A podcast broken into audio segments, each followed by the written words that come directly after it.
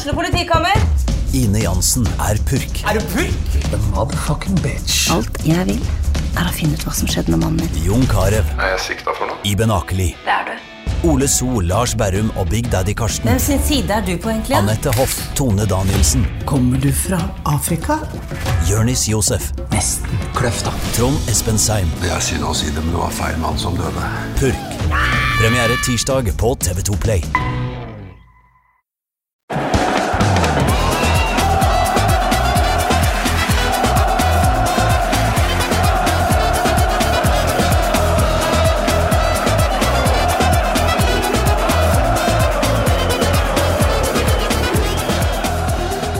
Hjertelig velkommen til en ny episode av Pyro og Pivo. Mitt navn er Morten Galaasen, og før vi går i gang, så vil jeg bare minne dere om at eh, på pyropivo.com så går det an å kjøpe T-skjorter. Eh, Det anbefaler jeg på det varmeste, men eh, nok om det. I dag så har jeg med meg en gammel kjenning av holdt på å si politiet, men det vet jeg ikke noe om. Gammel kjenning av podkasten, i hvert fall. Andreas Kriako, velkommen tilbake. Jo, tusen takk. Du har jo vært med et par ganger tidligere. Det er riktig, ja. Men det begynner å bli en stund siden sist. Mm. Og um, første gangen så var du jo her for å Vi var litt inne på det før vi starta. Du har vært i alle tre studioene til Moderne Medie. Ja, det er interessant å se opprykket i divisjonene. Klatre Ja. opp, liksom. Og det sier også litt om spriket i um, hvor Eller når du er med, da, og hvor lang tid Mm. det går imellom. For um, første gangen så var det en mer sånn generell uh, kypriotisk fotballepisode. Ja. det. eh, hvor du prøvde å lære oss litt forskjell på de forskjellige Mm. AEK-ene og AL-ene. og Ja. um, hvem de forskjellige klubbene er, og, og sånn. Og så var det da Mm. eh, nærmere pandemien hvor det plutselig var eh, to norske trenere i Nikosia-derbyet.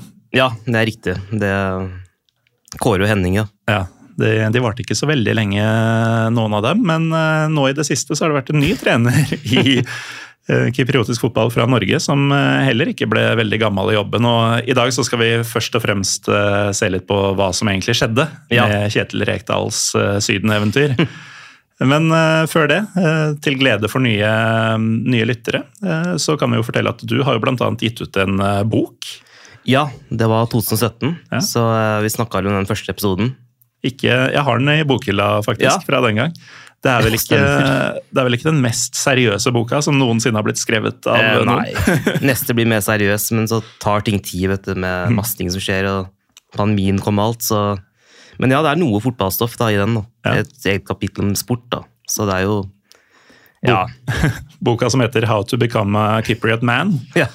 Eh, som er en slags oppskrift på eh, ja, alt kypriotisk. Ja. eh, som du også er eh, delvis. Mm, det er riktig. Jeg reiser hvert eneste år. Ja. Halvt kypriot og reiser ned hvert år, er det sånn? Ja, det stemmer. Jeg er jo fra, Min by er jo Limassol, da. Mm. Jeg er kjent for klubbene Apollon og El Limassol. Ja. Så eh, også nå nyere tid er jo Aris blitt veldig gode, som er russisk guide. da. Det er det. Regjerende seriemester, så ser jeg jo litt fotball av og til når jeg er der. Mm. Kanskje noe europakvalik, eh, seriekamper. Kommer Ja. an på hva som spilles når jeg er der. så det For det er ofte sommerferietider som Ja. man drar ned. Ja. Ofte august-september så er det gjerne noen europakvaliker, Mm. og da får man gjerne med seg noe sånt. Og så har jeg vært i januar noen ganger. Så var det et par år med pandemi, da var det uansett tomme tribuner, men uh, fotballkulturen er veldig sterk der. da. Mm. Så det er jo, eh, folk elsker jo det, og det, det er som i Tyrkia Hellas og Italia, det at eh, det tar en veldig stor del av livet deres. ja. Supportkulturen og alt det der. Ja, for det er litt sånn øyversjon av eh, kanskje spesielt Hellas eh, Ja. vi snakker om. Kan måte si sånn. Ja, at, jeg husker i starten av Football Factory så sier han hovedpersonen som Danny Mm. Dyer spiller at we're an island race. At det er derfor de slåss så mye, liksom. Ja, Men eh, det er vel ikke sånn at kyprioter, fordi de er et øyfolk, er eh, mer voldsomme enn grekere og tyrkere, eller? jeg tror kanskje det er noe med øykulturen at folk blir veldig sånn Det er jo det er jo det middelhavstemperamentet, men det er en egen noe isolert på en måte, Det er litt sånn det er Et øye som Kreta og Cecilia er jo litt sånn uh, Ja, ja Korsika også ja. for franskmennene. Ja, kanskje det er det. Det er ingen uh, som kommer utenfra og forteller dem åssen de skal gjøre ting, og så da blir det på en måte deres egen Ja, variant. det er det. Kanskje en grunn til at Napoleon døde på Korsika? Var det det? I 1821. Uh, han, han var uh, ofte plassert ut på øyer, han. Ja.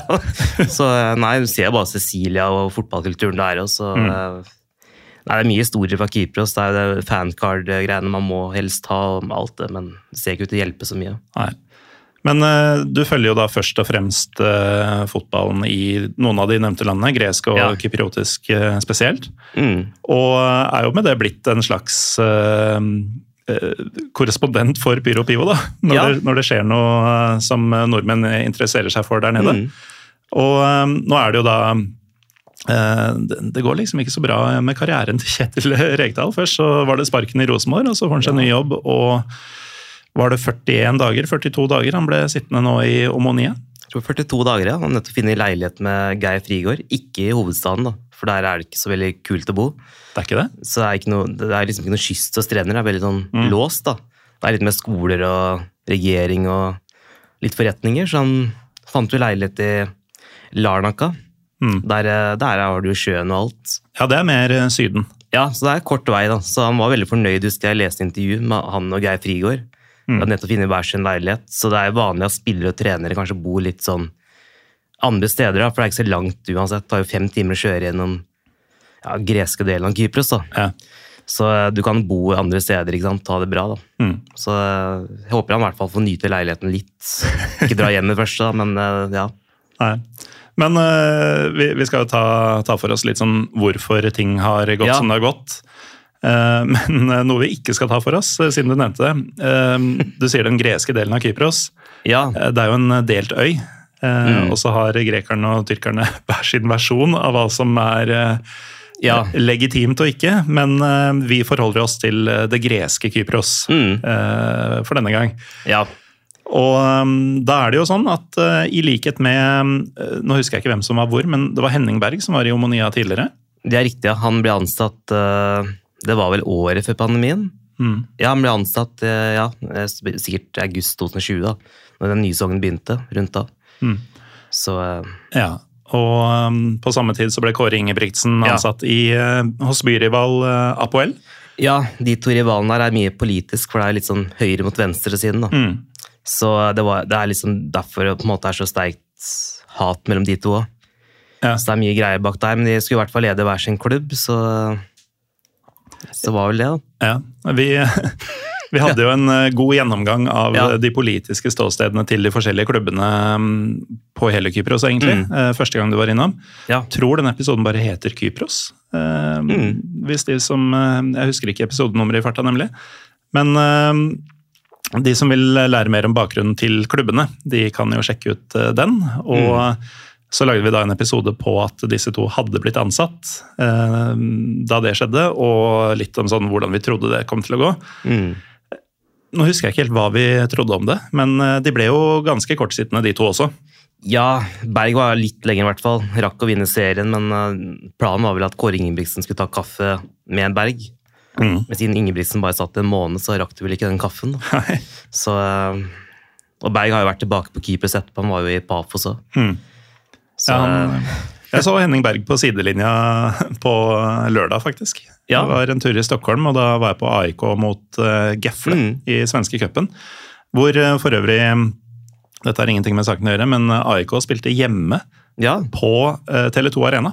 Som er hjemmebanen til eh, Hammarby og Djurgården. jøss. Fordi eh, sånn går det når man prøver å tvinge masse cupkamper og sånn inn i februar. Da er ikke alle banene spilleklare og sånn, og da blir man flytta på. Og det skal jeg fortelle at det likte ikke AIK-supporterne i det hele tatt. Det kan tenke meg, altså.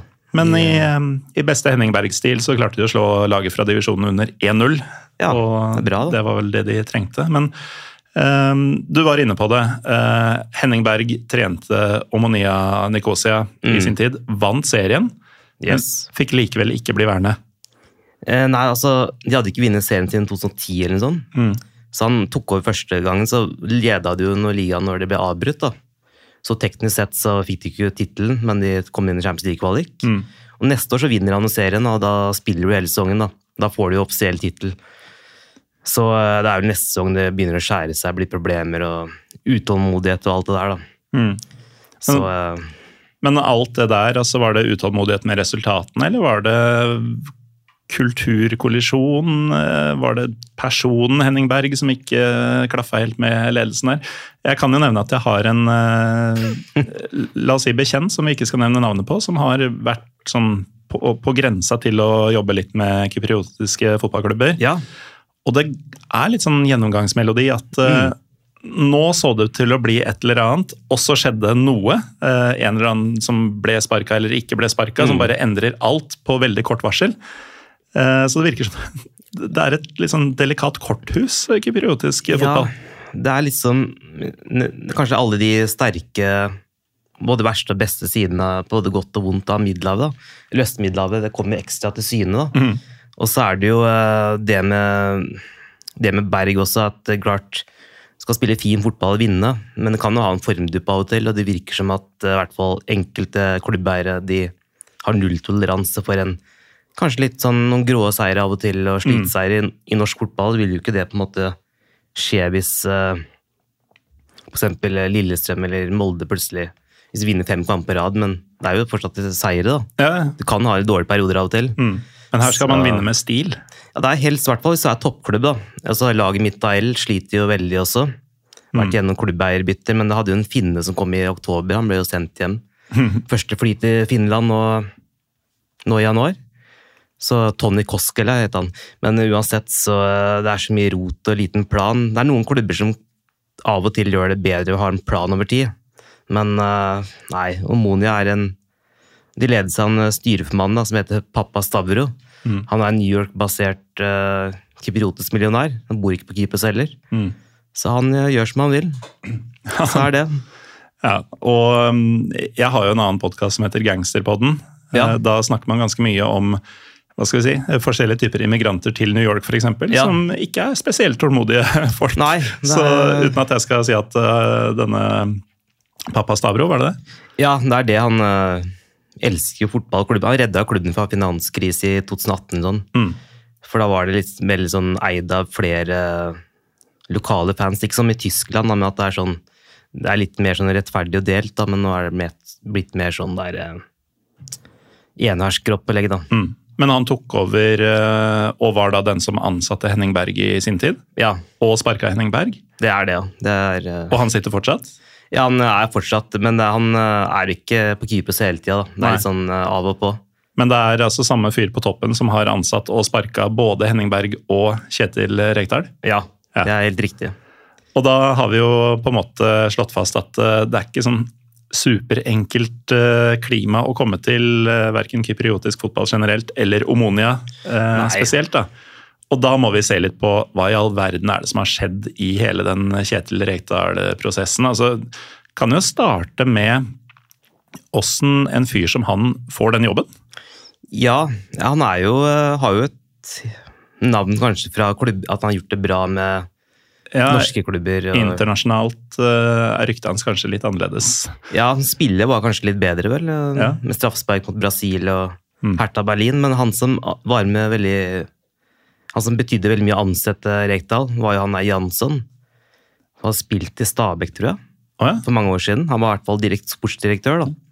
Jesper Jansson, er det det han heter? Tror det, ja. Ja. Tror det er det, altså. Oh, den måtte jeg grave dypt ned. Det, det mener jeg å huske var sånn ordentlig sånn dandyboy midtbanespiller som passa perfekt inn i Stabæk. Så av en eller annen grunn så var han direktør i Omonia, og så, så var han med på en måte sparke han som tre, han som heter Sofronie Augusti, da. han var fra Limassol, vant cupen med Mona forrige sesong. Og han tenkte at nå skal Monia i hvert fall etablere seg og kjempe om tittel, for det har vært så mye ustabilitet. Men så måtte han gå i vinter, da. Mm. Noen få dårlige resultater. Og da var Jansen veldig sånn uh, betydelig for Rekdal inn, da. Han kjente jo sikkert Rekdal godt fra Mm. hva Rekdal har gjort sikkert med Vålerenga, Ålesund og HamKam og alt sånt. Ja. Så da jeg husker jeg så på Facebook, bare scrolla nedover, og ser jeg plutselig Kypriotisk sportsavis, så jeg bilde av Rekdal. da. Så det er klart at uh, Han er kanskje ikke den mest offensive spillestilen sånn sett, men uh, selvfølgelig vinnerpersonlighet, eller jeg vet ikke hva du sier. Nei, altså, det, det, jeg syns det er litt merkelig, fordi vi, vi var jo inne på at man skal jo Det holder ikke med bare sliteseiere.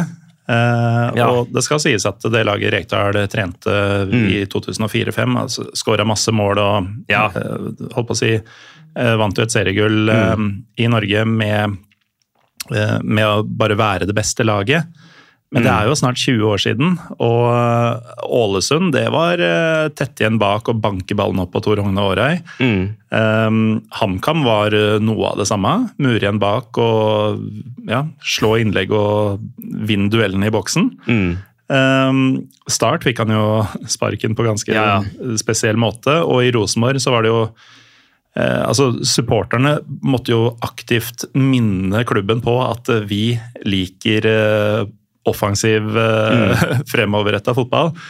Så eh, i lys av Reitals Reitdals trenerkarriere i Norge de siste ti åra omtrent, da, kanskje mer Ja. også, så høres han ikke ut som typen som de egentlig ville ha i Omonia. Nei, det er det som er litt sånn spesielt med han Jansson, eh, at han liksom ikke vet det bedre. Han kjenner til norsk fotball så godt, men samtidig så tror jeg så kan man tenke at det kanskje funker på andre sett, da, at de bare prøver sånne kjappe korttidsløsninger, veldig kynisk. da. Mm. At de bare prøver der og da, men, eh, og så spytter de ut igjen en måned etterpå. Men de sier jo, lover veldig mye bra når han først kommer inn. Mm. Men eh, allerede etter første kampene, selv om det var noen seire, så ser, jeg, ser man kommentarfeltet og fans snakker om at det var så fotball det er der. Lite possession, kanskje de vinner. Mm. Så var det uavgjort mot et eller sånn nedrykkslag, da. Og det er de kampene man, man må i hvert fall vinne de. Og så, som sagt, vi snakka om før episoden 10 av 12 poeng. Ja, for det, Så eh, det var fire kamper eh, Mm. omtrent han fikk. Ja. Og han vant tre av dem og spilte én uavgjort. Ja, det var det, og det er det som egentlig på papiret er bra, bra det, for du har en liten luke opp til Apoel, da. Det hadde man uansett, fordi ligaen deles jo i to, Ja. som i Hellas. At eh, det er som mesterskapsplayoff og nedrykksplayoff, og Monia skulle jo spille mesterskapsplayoffen. Mm. Og Rekdal sa jo på første pressekonferansen at eh, der skal vi være med, og vi skal eh, prøve å hente igjen Apoel, da. Eikerivallen, så var det noen andre lag foran der, men utgangspunktet er jo ikke ting perfekt når han tar over, så han holdt dem jo inne i den topp seksen. Men samtidig så Det folk klagde på, var spill, og det var eh, ikke offensivt og ikke bra å se på, og ikke kontroll på kampene. da. Nei. Selv om han slo lag og sånne ting, så eh, folk Nei, det Folk begynte å tenke Jeg så en kommentar, da. At en, etter den ene seieren så var det en fan som kalte han for esel. da. Er det Ja. for Det ordet bruker man jo ikke i Norge, liksom. Nei, Men er, er det en innarbeida skjellsvariant i Kypros, eller? Ja, det er veldig ofte man kan bli kalt for esel hvis, du, hvis man blir sett på som idiot eller tulling. Sånt. Ja, riktig. Som i Hellas så sier du ofte Malaka i Kypros sier Malaga. da. Det er litt hard Ja, uttalelse. sant? Men uh, esel er veldig vanlig å kalle folk, ja, hvis du mm. syns det har driti seg ut eller er feil person. Så Rekdal vinner kamper for laget til disse supporterne, og de Ja. svarer med å kalle han Malaka. Ja, og så selvfølgelig det med esel. da. Det er ikke noe kult å bli kalt for det. Mm. Når du legger så mye energi og innsats i en ting, og finner leilighet og alt, som du hører på sånt selv etter du vinner kamper.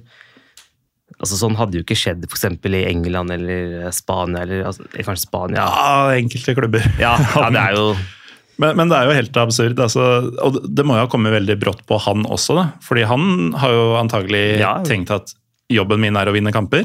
mm, Han gjør jo i stor grad det. Um, tenker at ok, dette starta ganske bra. Ja, ja, det jo Finne meg til rette, og nå, nå skal jeg flytte inn her og liksom eh, begynne å neste, som, eh, Ja. som amerikanerne sier. Og så plutselig så får du beskjed om at nei, det her er jo ikke nærheten av bra nok. Nei, det er ganske vilt, fordi han, er jo, han var jo veldig motivert i starten. Han sa jo, uttalte vel til eh, norske aviser at det skal bli deilig med sol og vært i Spania i juleferien. Mm. Så ble rett til Kypros, men eh, Og så så han jo sikkert at Berg i hvert fall satt litt lenger, så han trodde kanskje at uh, skulle få litt lengre tid. Mm. Og nå var jo den mesterskapsplayoffen begynt, da. Og eh, det er jo sikkert noe han gleda seg til å være med på. Det er jo kun topplagene som møter hverandre. Mm. Så sånn er det. Rakk å gå videre i cupen, da. Så han har gjort det også. Cup. Så um, slo et lite bunnlag 3-1. Mm. Så det er liksom uh, helt intens kultur, men Apoel faktisk har, eh, med unntak, faktisk vært litt mer tålmodig nå. Da. De har faktisk han der spilleren fra 90-tallet, Sa Pinto, Ja, som ja. trener og leder ligaen nå. Mm. Blir hatt noen svake år. Sa Pinto var han som uh, slo til han Portu- Portugal-treneren på midten av 90-tallet. Ble vraka på en tropp. Ja, så Det var en periode hvor Portugals eh, spisspar var Sa Pinto Ja. og Jao Pinto. Så var det jeg tenkte på at det måtte være han jeg begynte å lese at Appel hadde ansatt han, og han gjør det ganske bra, men eh, spiller vel litt finere fotball. Ja. Så ja, det, er, det er veldig vanskelig, altså. Det er, det er selvfølgelig synd for Rekdal sånn sett, og med tanke på Rosenborg-oppholdet gikk jo ikke så bra, men det spørs jo hva eventuelle interesserte klubber tenker, at de skjønner hva slags klubb Omonia er, hvordan det blir styrt. Ja. Men jeg tror ikke det blir noen ny klubb på Kypros for han, altså. Nei, det, det tviler jeg også på, selv om han, han har jo leiligheten klar. da. Ja, så det er bare jo, å- Geir Frigård hadde jo en egen leilighet også, så, Ja. så sånn er det. Men eh, du sier det er litt vanskelig. En annen ting som kanskje er litt vanskelig, er eh, det du har eh, plassert på bordet her. Ja. Eh, først er jo dette her, da, som eh, heter Cyprus eh, Delight. Ja. Jeg tipper det minner litt om både Turkish Delight og andre lignende Ja. varianter fra Du har det samme i Hellas òg, Mm. og i Tyrkia òg, så det er jo etter hvilket land man er i, da. Mm. Hvordan man kaller det. Det er jo samme kaffen òg. Men altså Turkish Delight, Cyprus Delight osv. Ja. Det er sånn derre Det er alltid med i reiseprogrammer og sånn. ja. Eh, er, og, og, og alltid i uh, suvenirhyllene på flyplasser og Mm. greier. Men eh, jeg har egentlig aldri opplevd noen som virkelig har digga det. det er sånn, enten er det sånn veldig rart og Ja. ikke noe for meg, eller så er det sånn ja, dette var helt greit. Det er sånn du kan ha ved siden av en kaffe av og til, men det er Ja. ikke noe man spiser i store mengder, liksom. Nei. Så eh, det er jo selvfølgelig sånn man kjøper i full fart på taxfree ofte. Kommer hjem, og så den her er jo fra jeg tror man er fra 1800-tallet, altså. Jeg håper eh, fabrikanten er fra 1800-tallet og ikke den Ja. spesifikke boksen. Er 1895, så har han faktisk vunnet en del priser, da. Eh, Ja. Her står det jo 'vunnet pris under uh, britiske imperium' og alt mulig. Ja, det jo? Så dette er en kvalitetsdelight. det jeg tenkte på, at den har jo større merittliste enn hva Rekdal har på Kypros, så det er jo klart at eh, Men det er klart, eh, det kan være uenighet i Tyrkia hvis vi sier at det heter Cyprus Delight. altså Det er jo alltid en morsom diskusjon, det der, da. Men sånn er det jo med alt sånt Ja, i eh, hva skal vi si, der Sørøst-Europa blir til Midtøsten. Ja. Så er det jo Alle land har jo hevd på alle matretter og drikkevarer, og sånn, og alle mener at eh, de andre er idioter som mener det samme. Det er eh, klassisk, det der. Og eh, så har de jo Ozo, selvfølgelig. Tyrkia har Manraki. Men vi har jo Kypros produsert Ozo òg. Men det er liksom ikke det som er vår store sånn nasjonalsprit, da. Nei, Så er den blanke her. flaska du har eh, satt på bordet her, Ja. eh, som jeg var redd var en Ozo, er ikke det? Den er mye mer eh, på en måte blankere. Den er basert på sånn druestilker. Aha, Og er lagd siden venetiske tidene. ja. Det er veldig vanlig at man kjøper det på taxfree, men også rundt omkring ellers i livet på Kypros, ute på byen, eller du sa Messier-kveld, hva som helst. Mm. Får du tak overalt. Altså den, eh, det er noe man må nesten eh, ta med seg fra taxfree eller en butikk før man drar. da. Hvis du drar til Kypros, så det er jo eh, også noe som hjelper mot forkjølelse. ja. Jeg har vært litt forkjøla i det siste, faktisk. Ja. Så dette passer bra. Eh, Men er Ja. det sprittypen som heter Zivania, eller er det merket? Det er eh, sprittypen. Ja. Jeg tror du kanskje kan Jeg vet ikke om jeg har uh, hvis kjenner til italiensk grappa. Jo, jo. Så er ikke så langt unna, kanskje. Det er litt Nei. forskjell. Men eh, den har blitt, sies at den har blitt laget siden den venetiske tiden. da. Ja. Så kanskje det er venetianerne som tok med seg grappa-taktikken, holdt jeg på å si? Kan være det. så Den har jo liksom eh, Lages i forskjellige village på fjell og alt mulig. og Ja, så det er jo på en måte Det som er greia med den, er jo at den er veldig god med isbiter, men også uten. Ja. Ja, for isbiter det har jeg ikke vært forutseende nok til å ta med. Nei, men på vinteren på Kypros så er det sånn tradisjonelt sett noe du kan drikke uten isbiter oppe i fjellet. da. Ja, Så det er noe greie med det. Også, men du ser, det er på en måte som Oso er i Hellas, Raki Tyrkia og sånne ting. Du Mm. ser det overalt, og det er, eh, det er en veldig stor klassiker. og Det er vanlig at man kanskje på sommeren eh, tar det med litt vannmelon. da. mm. Kan Ja. ta et par halloumibiter ved siden av. ikke sant? Så det er klart at det er en eh, klassiker. og Det lukter litt sånn destillert drue i rommet Ja. her eh, nå. Så jeg håper Rekdal rakk å kjøpe et par flasker. da. Må ha fått en slags sluttpakke, så da har du Ja. råd til noen sånne. En del av sluttpakka var sikkert en kasse Ja. med Ja, mest sannsynligvis. Så det er eh, Nei, men det er en eh, stor klassiker, det, så det er en stor del av Kypros. Så vi, vi får vel nesten smake Ja. på dette her. Hva, hva er det man sier eh, når man skåler? det blir som i Hellas, sier Amas. Jamas, det kan jeg. Ja, det er jo lett ord å huske. Ja. tar vi en liten Ja. Jo da. Dette er ikke ulikt eh, grappa. Nei, det er, ja, det er eh, Men øh, føler den kanskje er litt mer sånn krydra? Mm. Det er ikke bare den druesmaken øh, ja, Vanskelig å sette fingeren på, men uh, brenner godt i brystet. Mm. Det, det er nesten det viktigste med sånne ting. litt krydra som kanskje kulturen og folket på Keepers, Ja. som Rekdal lærte å Spiced Skjønne. Spiced Ja. people. Um, når du sier den ikke er som Ozo og tyrkisk raki, så er jeg jo helt enig. Mm. For det, den har ikke det lakrispreget. Ja. Men i Hellas så er det jo kjempeforvirrende, for der har de jo også raki, som Ja. ikke ligner på tyrkisk raku, men som kan ligne litt på det her. Ja, det er det. Det er eh, litt komisk eh, med de variantene, hvordan det går. Men Mm. eh, ja, det er jo på en måte De var jo ottomanske så mange år, og Kypros var jo 400 år, og Hellas hadde jo masse greier der, så det er, det er fascinerende, da. Men, men ja, du finner nok den der i på en måte det man kaller for tyrkisk okkupert område av Kypros òg, så har Ja. de jo også den, da. Hmm. Og det skal komme til en ting med Rekdal som ikke har kommet fram i norsk media. Ja, for du, at, eh, du har jo kikka litt på hva de lokale sier. Ja, det er en spiller som er 18 år gammel, som fikk debutere i en cupkamp nå, i kypriotiske Coca-Cola-cupen. Det er rett og slett cupen. Ja, NM i Norge, liksom. Mm. Ikke tilsvarer det som var Coca-Cola-cupen i England. Det var det det het på 90-tallet. Så ja. det som var at det er en eh, 18-åring han ga debuten, da.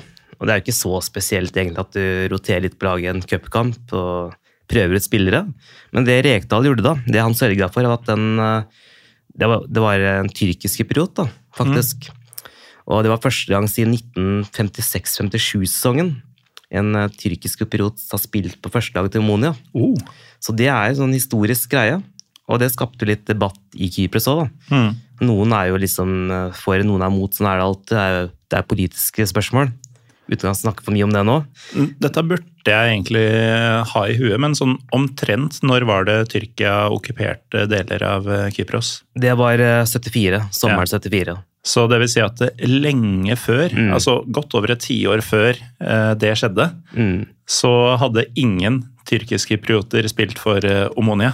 Veldig spesielt. Ja, så det var, det var uvanlig før okkupasjonen, Mm. og vært uhørt siden. Det er veldig spesielt, og jeg tror fram til 60-tallet så kunne lag fra tyrk, fra tyrkiske kypriotiske lag da, spilte i samme liga.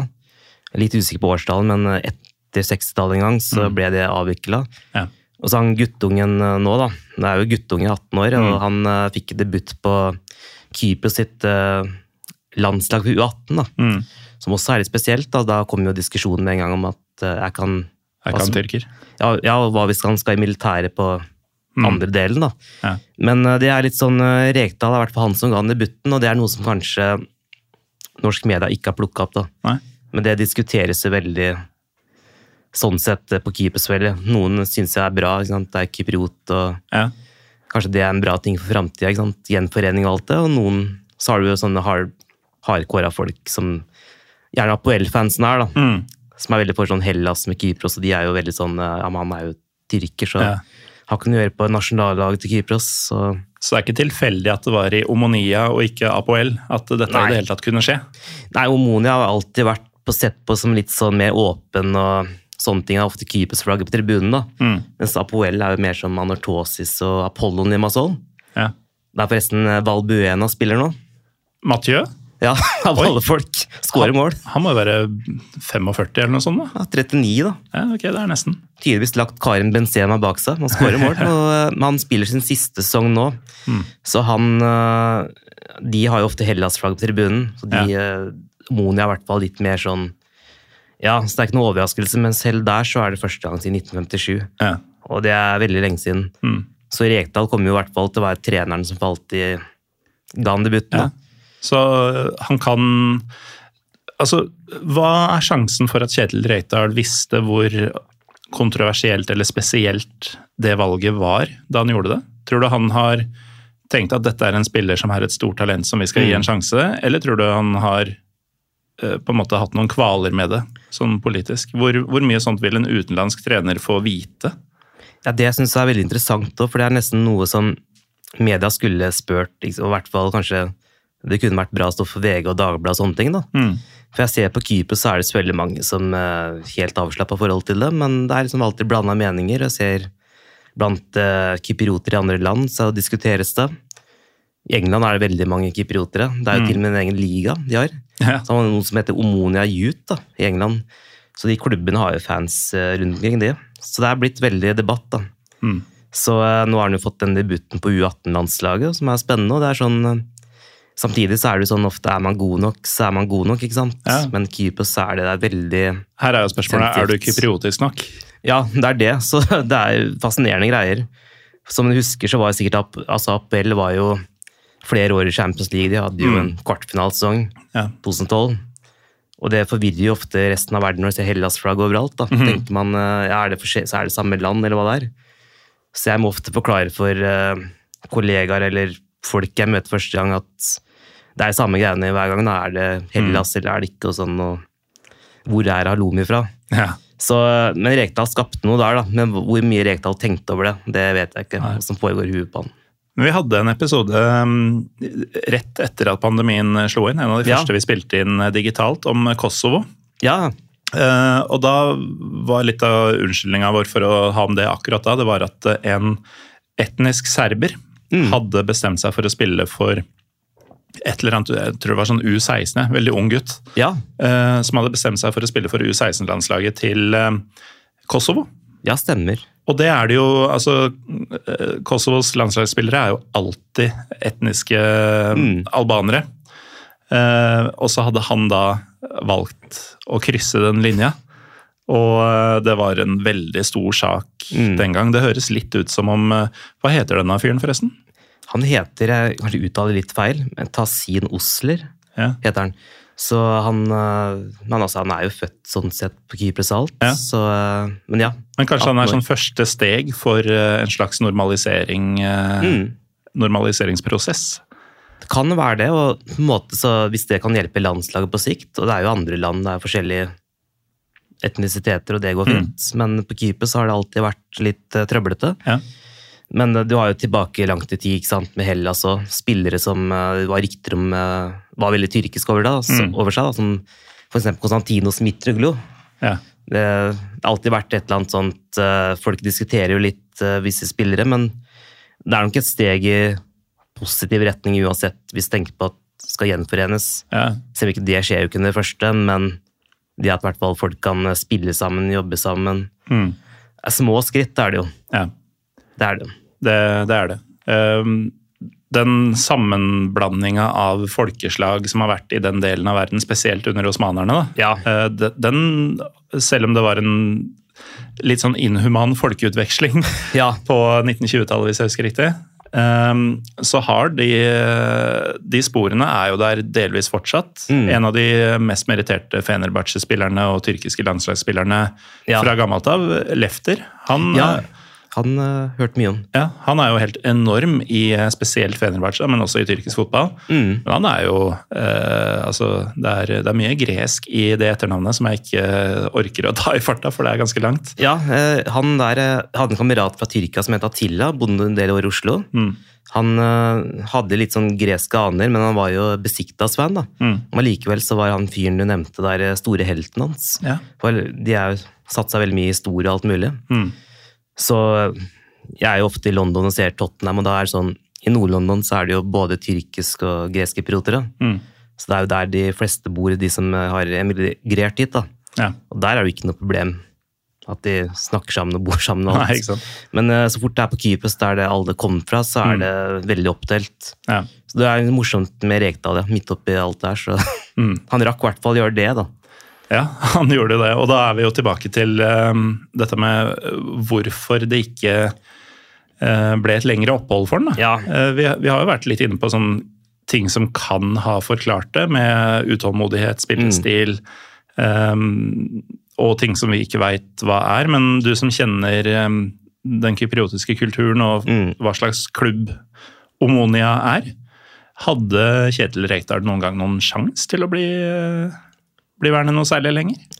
Jeg tror med tanke på kanskje litt eh, personlighet og spillestil, så var det vel egentlig ganske logisk at det kom til å gå dårlig før eller siden, men at det skulle skje så kjapt, hadde hun ikke trodd det. altså. Henning Berg er jo ikke kjent for noe superattraktiv stil, han heller, men Nei. eh, Eller spesielt sprudlende personlighet, ja, i likhet med Kjetil. ene sportsavisa skrev jo i hvert fall, eh, når det var rykter om hvem som skal ta over for Rekdal, da, Mm. så sto det i hvert fall en setning om at eh, til og med en skalla nordmann Henning Berg er ryktet om retur. da. Var, de la vekt på det. da. Mm. Husker sikkert for, mer for hårfrisyren sin enn fotballen, tror jeg. Ja. Man fikk i hvert fall jobb i Pafos litt på grunnlag av hvor bra han gjorde det med Monia. Det var det jo. ja, for han hadde jo resultater, Ja. som vi var inne på. Gikk jo videre i europakvalik og sånne ting, og det var jo helt greit. Mm. Så, så det er eh, det som er med Rekdal, at kanskje han var litt sånn type som også krevde litt for mye av styreformannen og Mm.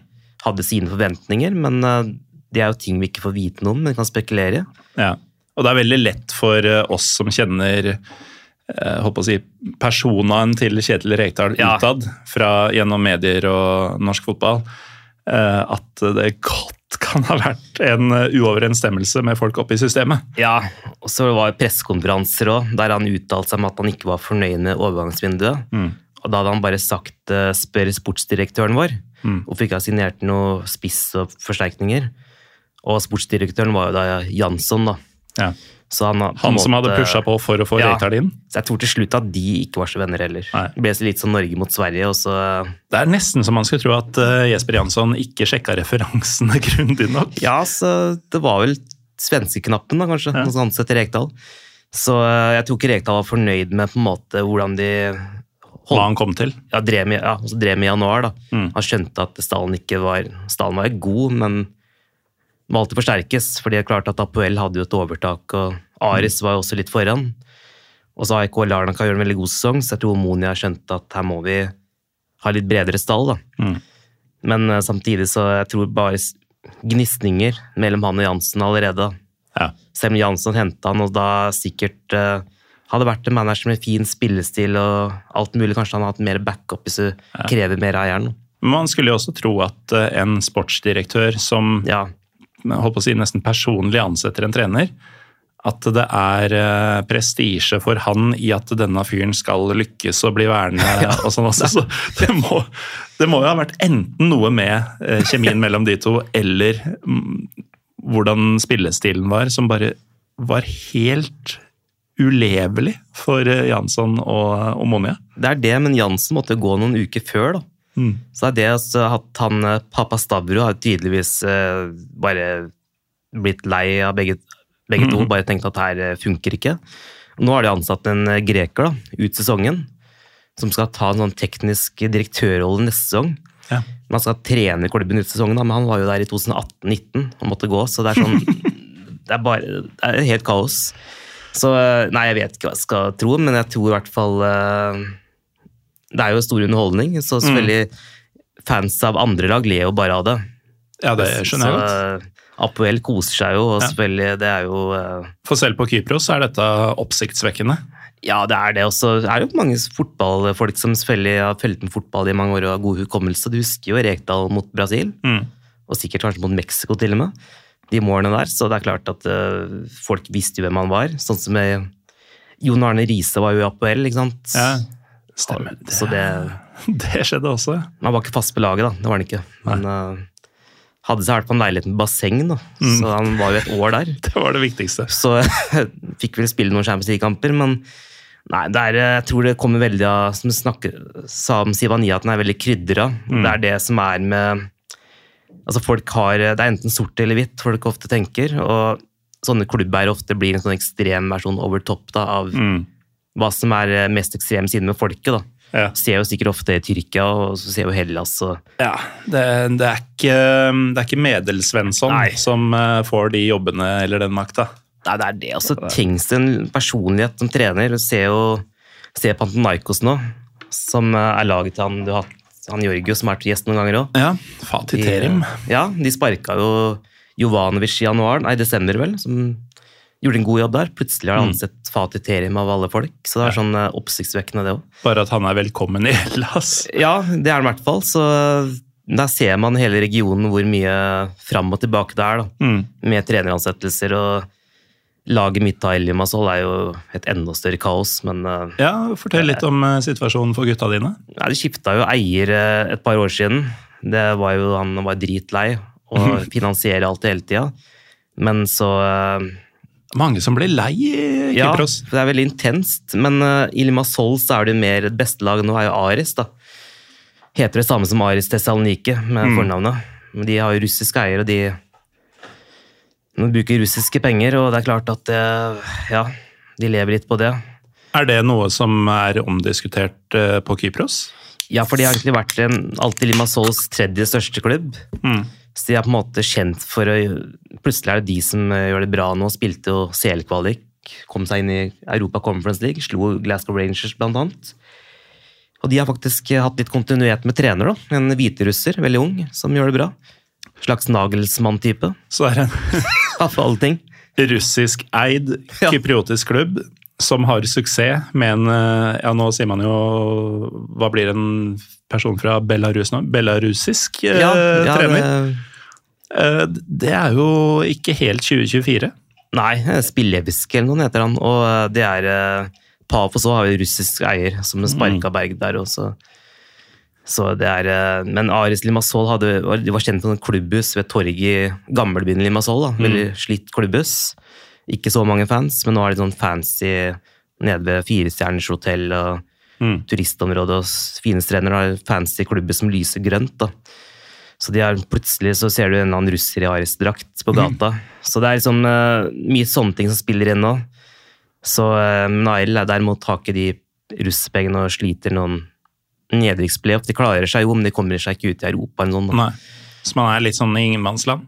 Ja, så sendte jeg han finnen rett hjem på første fly, og så eh, har de faktisk Saido Beraino i stallen. Jeg prøver å kvitte seg med han, Ja. men uh, får ikke det til. Tenk at han fins uh, fortsatt. Jeg har kontrakt ennå. Jeg så han noen kamper live eh, i forrige sesong, i starten av sesongen.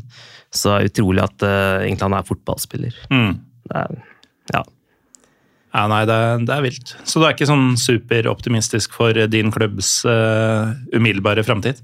Nei, man rykker ikke ned, riktignok, men man, uh, det er ikke noe spesiell vei opp heller. Nei, og det er ikke sånn 'there's always next year' heller. Det må gjøres mer. Ja, helt klart. Det var i hvert fall cupfinalen forrige sesong tapte mot Omonia, som vi vi snakker om i den Omonia-episoden her. Ja. Tapte den, men eh, Omonia selvfølgelig, de sparka han treneren som vant cupen, og da ble Rekdal inn, da. Det er sånn de gjør. Så ja, så det er, eh, det er eh, fascinerende. Så har du fancard-greiene, hysteri, og, som på en måte utstenger voldelige fans. da. Ja. Ja, Fortell litt om, um, om fancard-greiene. Kanskje spesielt for um, norske sydenturister da, som kunne tenke seg å få med seg en kamp. Er det, er det et møysommelig opplegg å registrere seg og sånn? Ikke nødvendigvis hvis du vet hvor det skal gå. Det er sånn nettside via regjeringen som må mm. registrere deg med bilde og fødselsdato. Og selvfølgelig er ikke alle som har kypriotisk pass, så da tar du ditt eget passnummer, norsk f.eks. Mm. Og så tar du et bilde av, så får du sånn fancard, så betaler du en engangssum på 10 euro. eller sånn. Ja. Så det er ikke så ille. Eh, Det er bare det at eh, det har ikke løst problemene, for det har vært Nei. mye bråk uansett. Er det, er det digitalt i det minste? Det er ikke sånn at du må time det sånn at du får henta ut et kort eller få det i posten? eller noe sånt? Måtte printe ut, husker jeg, i 2018. da. Ok, ja, men Så- det, det funker ja. jo, så lenge du kan ordne det sjøl. Ja, men jeg tror en del folk har faka det, og så er det mange fans som møtes før kamp da, og bråker. da. Så var det noe sånn pyro eh, med skandale mellom Ail og Apollo møttes i cupen. Måtte avbryte kampen og spille på nytt, så etter det så utstengte bortfans for noen måneder. Det var nå i vinter. Så det er alltid noe, men eh, Noe må det nesten være. ja, det er dessverre sånn det er blitt, men, eller det har vært i mange år. Så får vi se da, om det kan bli en bedring, men eh, du vet jo Hellas og har mye problemer med det her. Mm. Så eh, jeg tror de har hatt noen måneder der allerede jeg ikke har spilt med fans. Jeg, Hellas, så, eh, Ja. Men eh, det er fortsatt fans på de fleste tribuner i Kypros. ja, Og siden vi er litt inne på det, vi har Ja. nå fortalt folk hvordan du ordner et fancard, mer eller mindre. I hvert fall at det, du kan gjøre det omtrent på dagen, Mm. skjønner jeg. Eh, og ha det printa ut eller på telefonen, Ja. kanskje. Um, men som en oppfriskning, da, for de som ikke hørte første gang du var med i Mm. Pyro Pivo. Um, liten sånn guide på slutten for nordmenn som har tenkt seg på sydenferie, f.eks. Mm. Uh, hvor, eh, hvor på øya er det best å dra? Nå er jo Silje Parties med Limassol, men det er jo på en måte kystbyen og langstrakt by. Mm. Har jo all mulig kultur, historie, uteliv og hva man enn foretrekker. Gresk musikk og taverna, restauranter og så kan du se fotballkamp òg. Høres jo riktig ut. Ja, så det er en fantastisk by. Jeg vet ikke om Rekdal rakk å være innom. Hadde sikkert mye å gjøre, jobber 24-7, men eh, Ja, han, han er kjent for Ja, så Det, er, det er det, men eh, nei, Limassol er jo på en måte midt på øya, så det er kort vei hvis du vil dra til andre byer, f.eks. Pafos eller uh, Afrodites Rock. Midt på, men ved kysten? Ja, på kysten langs sånn. Ja. Så det var jo etter at uh, Tyrkia okkuperte Kypros, så falt jo Famagusta litt ned, og Limassol vokste med turisme og alt. Mm. Så eh, det er noen skyskraper, litt sånne ting, men bare ikke bli for mye av det. Så det er en blanding av moderne og gammelt. da. Mm. Så fotball, det får man sett, altså. Ja. Og som du sa, det tar fem timer å kjøre fra ene enden Ja. til den andre. Så avstandene er ikke store nesten uansett. Men Nei. Det er jo det er verdt hvis man ser at man kan dra til enten Larnaca eller Limassol f.eks. Mm. At man har en pekepinn på sånn Hvor får jeg det, og hvor mangler jeg det? Ja, og så kan du jo se Nå er landskampene begynt å bli spilt i Limassol òg. En veldig ny arena som de tre klubbene deler, da, de tre største. da. Så der er det, det Først Kypros Spania var første kampen, så det var veldig Så det er bra for byen, da. Hvis de tre deler stadion, så er det Ja. litt sånn banehoppertips. Mm. For eh, det betyr jo at um, du kan få en runde hvor to av dem har hjemmekamp. Mm. Og de kan jo ikke komme på samme dag. Ja, det er riktig. Så det betyr at uh, du kan få to kamper på samme stadion med forskjellige hjemmelag på to dager f.eks. Og Så- også dra et annet sted tredje dagen hvis du blir uh, For det er vel sikkert fredagskamper og mandagskamper og sånn i uh, Kypros også? Ja, det fordeles for å ha mest mulig på TV, og så er det jo Nikosia, så har du jo GSP Arena, som Nikosia, Omonia på hele deler. Mm. Så jeg der, og så har du jo Larnaka. Veldig ny, fin stadion. AIK Larnaka, som eh, har eh, De har jo vært i Europa noen år nå, men ble slått av Westham i fjor. Så for fotballinteresserte så er det nok å se, men eh, selvfølgelig er det kanskje ikke derfor første grunn man drar til for mange, men eh, det er jo alltid en eller annen kamp, da. De som hører på dette, tenker Ja, ja. fotball først og fremst. Ja, altså det, det er mye fotballkultur å få med seg. Du ser jo på en måte sånn street art overalt i byen og av fans og Gate, Seven og alt det der. Og, Mm. Så det sitter veldig dypt i kulturen. Og bettingsjapper er det overalt. Så Ja. du kan slå av en prat, ta en gresk iskaffe, slå av en prat med en eh, gammel better, så han sikkert peil på norsk fjerdedivisjonsfotball. Ja, det, det er superfascinerende nede på Ja, Balkan og, og middelhavsregionen i det hele tatt. De kan så mye om norske og svenske lag. Det er uh... Fordi uh, vi er de eneste som spiller på sommeren. Ja. Og, og bettingfolka de er på jobb året rundt, så da setter de seg inn i skandinaviske ligaer. Det er, eh, ja, de er, tenker fotball 24-7, og de bettingsjappene er på en måte Det er det som er i hvert fall kult, at det er fysisk fortsatt, så at man kan gjøre sånne ting. Mm. Litt som i England òg, at ikke Ja. alt er digitalt. At det fortsatt har Du går den, til eh, bookmakeren, liksom. Ja, Får en lapp. eh, Tar deg en Freddo Espresso eller Frappé, da, som er iskaffen, og så sitter du med og tipper fysisk. ikke sant? Mm. Så viser gjerne en kamp på der, og nok av puber til kamp på, så det er jo eh, Mm. Kan man ta en kypriotisk messé da, mens man uh, ser en kamp, og så Det har man på en av beachklubb etterpå. da. Så Ja. det er en bra reisetips. da.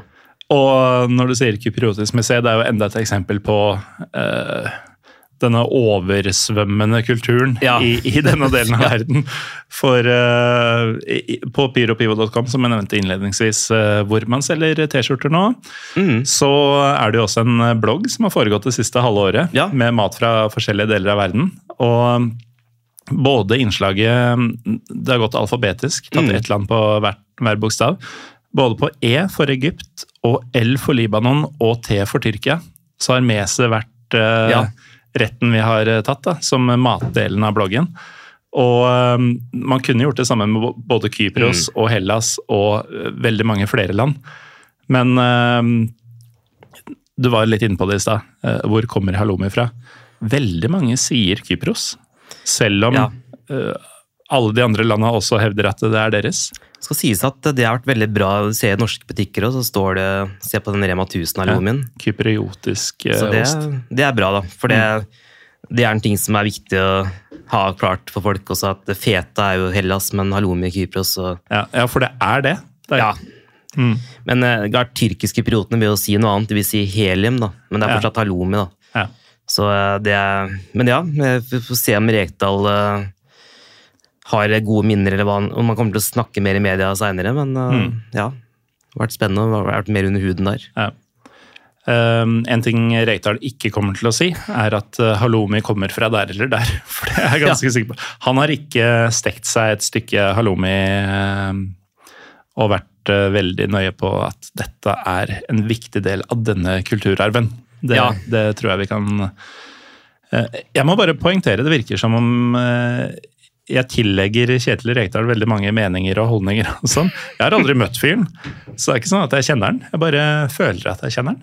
Og, og jeg Ja. tror at han ikke har, eh, i løpet av den tida han var i Kypros, jeg tror ikke han har stekt seg halloumi i løpet av oppholdet. Kanskje han har kjøpt det ute. Henning Berg var jo litt lenger. Eh, forresten, eh, sånn til slutt, jeg så jo se Norge-Kypros i fjor, på Ullevål. Mm. Det var den, eh, det var, Nations League, eller så var det EM-kvalik. Man vet nesten ikke forskjell på det lenger. Nei, jeg vet ikke hva som er det.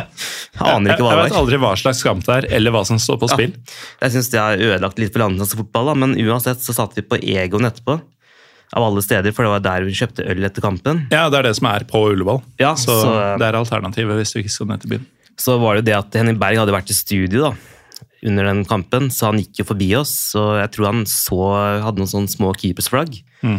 Han, da gikk han videre og så på mobilen.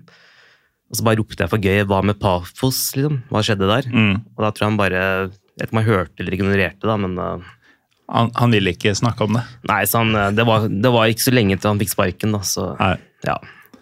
Nei, det er jo um, Altså, hvis vi skal finne en slags rød tråd her, da.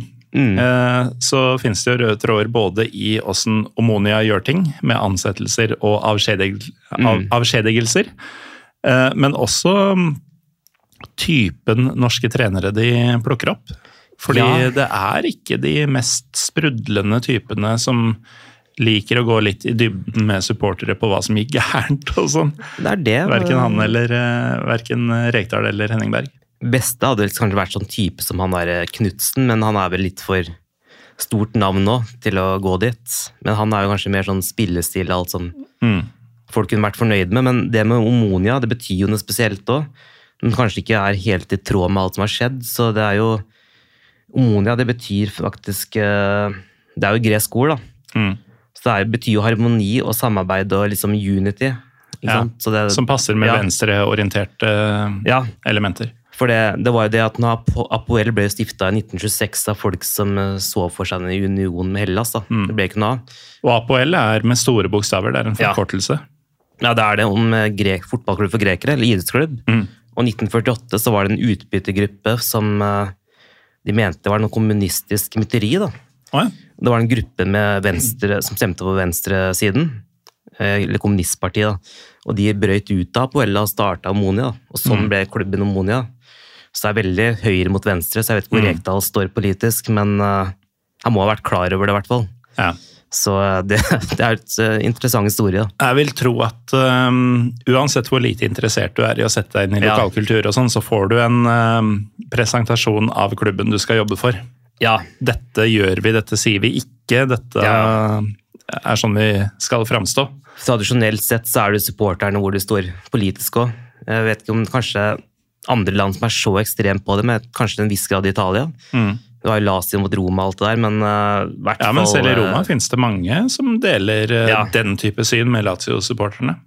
Så det er litt interessant det der hvor dypt det er på Kypros, men Mm. uh, det er noe med den øy, øykulturen alltid, at alt blir så veldig sånn også, Ting er veldig sort-hvitt hos mange, da, dessverre. Mm. Det er litt gammeldags. Så, uh, men ja, det er i hvert fall to, to klubber som det er klart alltid har vært intense kamper imellom, så jeg anbefaler å stikke på Nikosia Derby. Ja. Helt klart. Kypros har jeg jo ikke vært på heller. Eh. Det, det har jeg jo sagt til deg hver gang vi har møttes Ja. over mange år nå. Ja, ja. Eh, Det må jeg gjøre noe med. Jeg har vært med tanke på at det har vært mye i Tyrkia, og du har vært i Hellas. Altså. Ja, jeg har egentlig vært i hele området, bortsett fra, fra Kypros. Mm. Uh, Så det, må jeg, det burde være et forsett for meg egentlig fremover nå. Um, men uh, nå, nå setter jeg deg litt på spissen her. For uh, det slo meg at Omonia og Panathinaikos de har eh, noe av den samme estetikken. Ja. Eh, Både grønt og hvitt, men det er vel noen sånne eh, firkløvervarianter hos begge to også? Eller uh, surrer jeg nå? Ja, det er helt riktig. Det er mange som påpeker det når jeg ser Monia-logoen. Men har det noe med altså, det, er, det er ikke noe forbrødring mellom de to klubbene, eller noen historikk mellom de to, eller? Jeg tror det er litt mer inspirasjon. Ja. At uh, Omonia stifta mye seinere. Uh, Aris har jo også grønt og hvitt i fargene. Mm. Nå er ikke jeg så veldig glad i Pantanaikos, for det greske laget mitt er Olympiakos. Men uh, jeg skal si at det er fin farge og alt sånt. Men uh, jeg ønsker Pantanaikos alt vondt, det må jeg innrømme. Men ja. Jeg er også noen som Fatih Terim er der. Ja, nei, det skjønner jeg. Som Fenebarts-fan, ja. Nei, men Nå spilte uart i går, så det var ikke bra mot et bunnlag Mm. rett før playoffen skal begynne. Så uh, gikk de videre i cupen, da, men uh, ja. Vi får se hvor lenge han varer.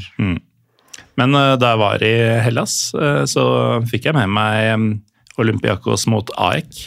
Ja. 4-1 til gutta dine. Ja, det er bra. Det er litt av en kamp. Ja, den var fin.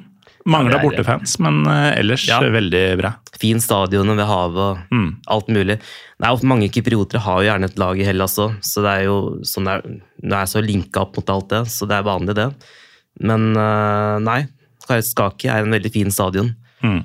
Så da fikk du sikkert uh, snakka med litt med folk eller fans eller sett litt Ja, det, vi snakka egentlig mest med flasker av uh, forskjellig, Ja, forskjellig innhold, men uh, det, det var en veldig kul opplevelse.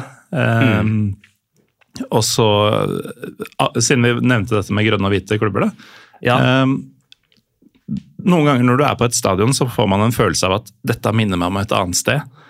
Mm. Og da jeg rett før pandemien var i uh, Polen, ja, så tenkte jeg sånn Da jeg var på Legia-kamp, The Polish Army Stadium, som det heter på Ja. engelsk, det minna veldig om uh, stadionet til Olympiakos.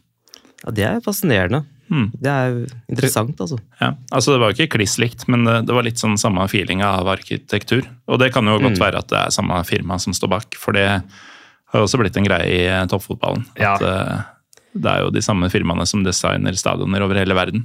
Bare ikke bli for mye likt, da. Mm. Men uh, en annen ting med grønt og hvitt er jo kanskje Rekdal selv hadde en idé der. da, Om å bygge en karriere med grønne og hvite klubber. For han hadde jo HamKam, da. Så jeg vet ikke om han tenkte noe på det, men ja. Men eh, i hvert fall ja, Olympiakos og Jeg husker jo Rivaldo Shivani spilte der, og da var det jo med to kyprioter i angrepet. Mm. Eh, Giannis Okas og Mihalis Konstantino. Ja. Eh, Sinis Agogic eh, var der før det også. ja. Han, ja, serber som ble kypriotisk statsborger. Mm. Sønnen har vært litt på landslaget òg. Riktignok ubrukelig, men uh, faren var bedre. men, men ja, Kypros har jo hatt noen gode spillere opp gjennom årene som har uh, vært veldig sentrale i Hellas, da, i gresk fotball. Mm. Så det Så får vi se. Landslaget nå er ikke det beste, men det er jo, ja, Ketsbaya er jo trener og har alltid en unnskyldning klar. Så ja, det er det. Ja. ehm, uten at jeg skal nevne navn eh, fortsatt, men han jeg kjenner som har vært borti eh, nesten å jobbe i kypriotiske klubber eh, En av årsakene til at det ikke ble noe, er Ketspaya. Eh, og så skal jeg ikke si mer. Men eh, uansett, eh, Andreas, vi har forsøkt å forklare hva som gikk gærent for eh, Kjetil eh, Rekdal i Omonia på Nikosia i Kypros. Eller på Kypros, heter det kanskje. Ja. Ehm, vi har vel ikke fått noe endelig svar, annet enn at ehm, det var aldri stedet for han.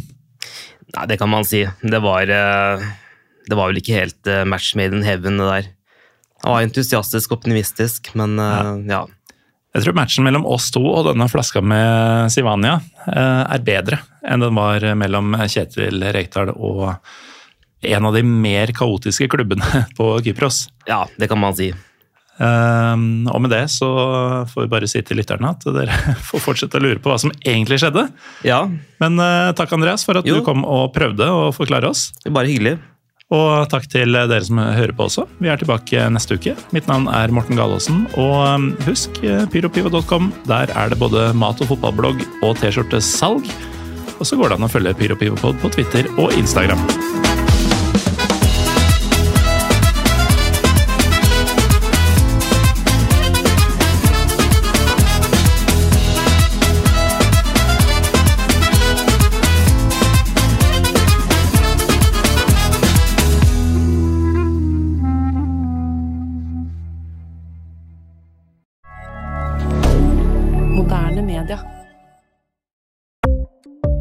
Ukens annonsør er HelloFresh. HelloFresh er verdens ledende matkasseleverandør og kan være redningen i en travel hverdag. Mange av oss har nok vandret i butikken både sultne og uten en plan for middagen, som ender med at vi går for de samme kjedelige rettene gang på gang. Middag burde være dagens høydepunkt. Som Hello Fresh kan du nå velge mellom 25 ulike retter hver eneste uke, eller få Hello Fresh til å sette sammen menyen for deg. Dette gir deg muligheten til å prøve nye og spennende retter alene eller sammen med familien. Du velger antall porsjoner og får alt levert på døren på et tidspunkt som passer for deg. Oppskriftene er enkle, og maten er lett å lage både for store og for små. Ved å få alt levert hjem får du også mer tid til å dele matgleden med familie og venner. Kanskje det frister med asiatiske tacos eller greskinspirert kylling?